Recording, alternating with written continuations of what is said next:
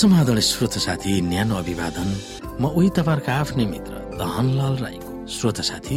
आज म तपाईँको बीचमा बाइबल सन्देश लिएर आएको छु। आजको बाइबल सन्देशको शीर्षक रहेको छ परमेश्वर यस संसारका सबै थोकको मालिक हुनुहुन्छ।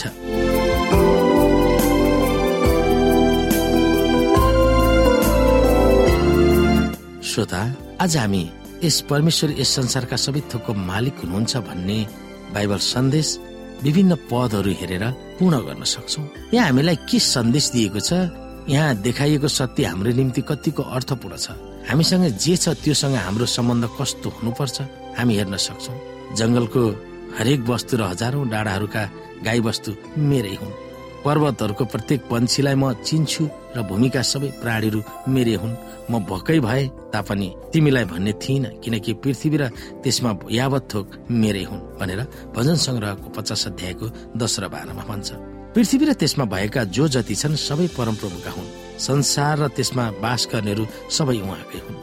भजन संग्रह चौबिसको हे परमप्रभु महानता शक्ति महिमा गौरव र ऐश्वर्य तपाईँकै हुन्।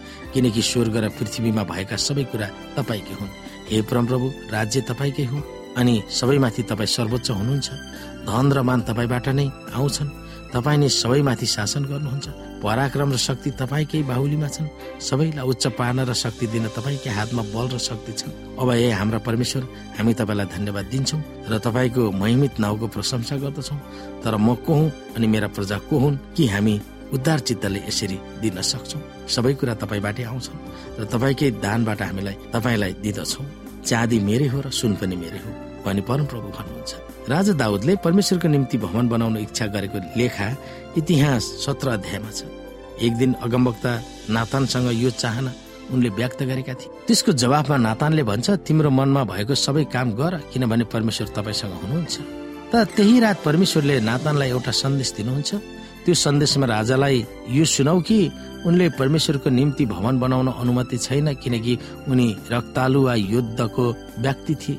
बरु उनको छोराले परमेश्वरको निम्ति भवन बनाउनेछ यस सन्देशमा राजा दाउद विचलित भएन तर कमसे कम भवनको निम्ति नक्सा योजनाहरू बनाउन र निर्माण सामग्रीहरू जम्मा गर्न सकिन्छ कि भनेर उनले अनुमति मागे। परमेश्वरले उनको अनुमतिलाई स्वीकार्नु भयो तब राजाले आफ्नो जीवनभर भवनको निम्ति निर्माण सामग्रीहरू जुटाउन थाले।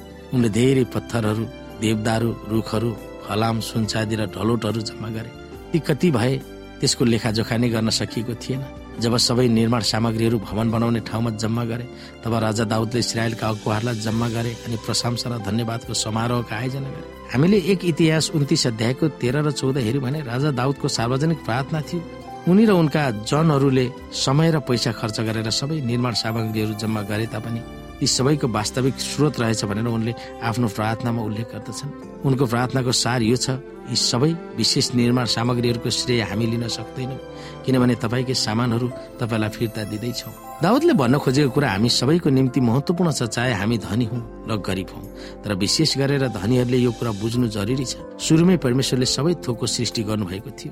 त्यसले गर्दा पृथ्वीमा भएका सबै थोकहरूको वास्तविक मालिक परमेश्वर अथवा उहाँ नै हुनुहुन्छ। हामीसँग जे छ त्यो पनि उहाँकै हो। हामीले परिश्रम उद्यमी गरेर लगनशील भएर इमान्दारीपूर्वक कमाएर धन जम्मा गरे तापनि ती सबै थोक उहाँकै हो। यदि परमेश्वर उहाँको अनुग्रह नभए हामीसँग केही हुने थिएन। वास्तविक रूपमा भन्यो भने हाम्रो अस्तित्व पनि हुने थिएन। त्यस परिप्रेक्ष्यमा हामी सबैले यो महसुस गर्नु जरुरी छ कि हामीसँग भएका सबै थोकहरूको मालिक परमेश्वर नै हुनुहुन्छ।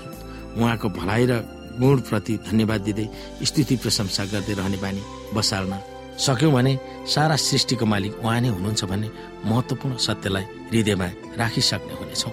अन्त्यमा श्रोता इजरायलको शक्तिशाली र भक्तिवान राजा दाउदले सार्वजनिक रूपमा यो स्वीकार गर्दछन् तर म को हुँ अनि मेरा प्रजा को हुन्? कि हामी उद्धार चित्तले यसरी दिन सक्छौँ? सबै कुरा तपाईँबाटै आउँछन् र तपाईँकै दानबाट हामी तपाईँलाई दिँदछौँ।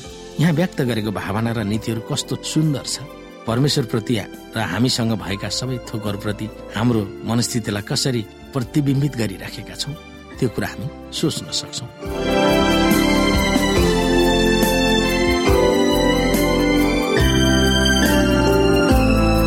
श्रोत साथी आजको लागि बाइबल सन्देश यति नै। हस्त नमस्ते जय मसिंह।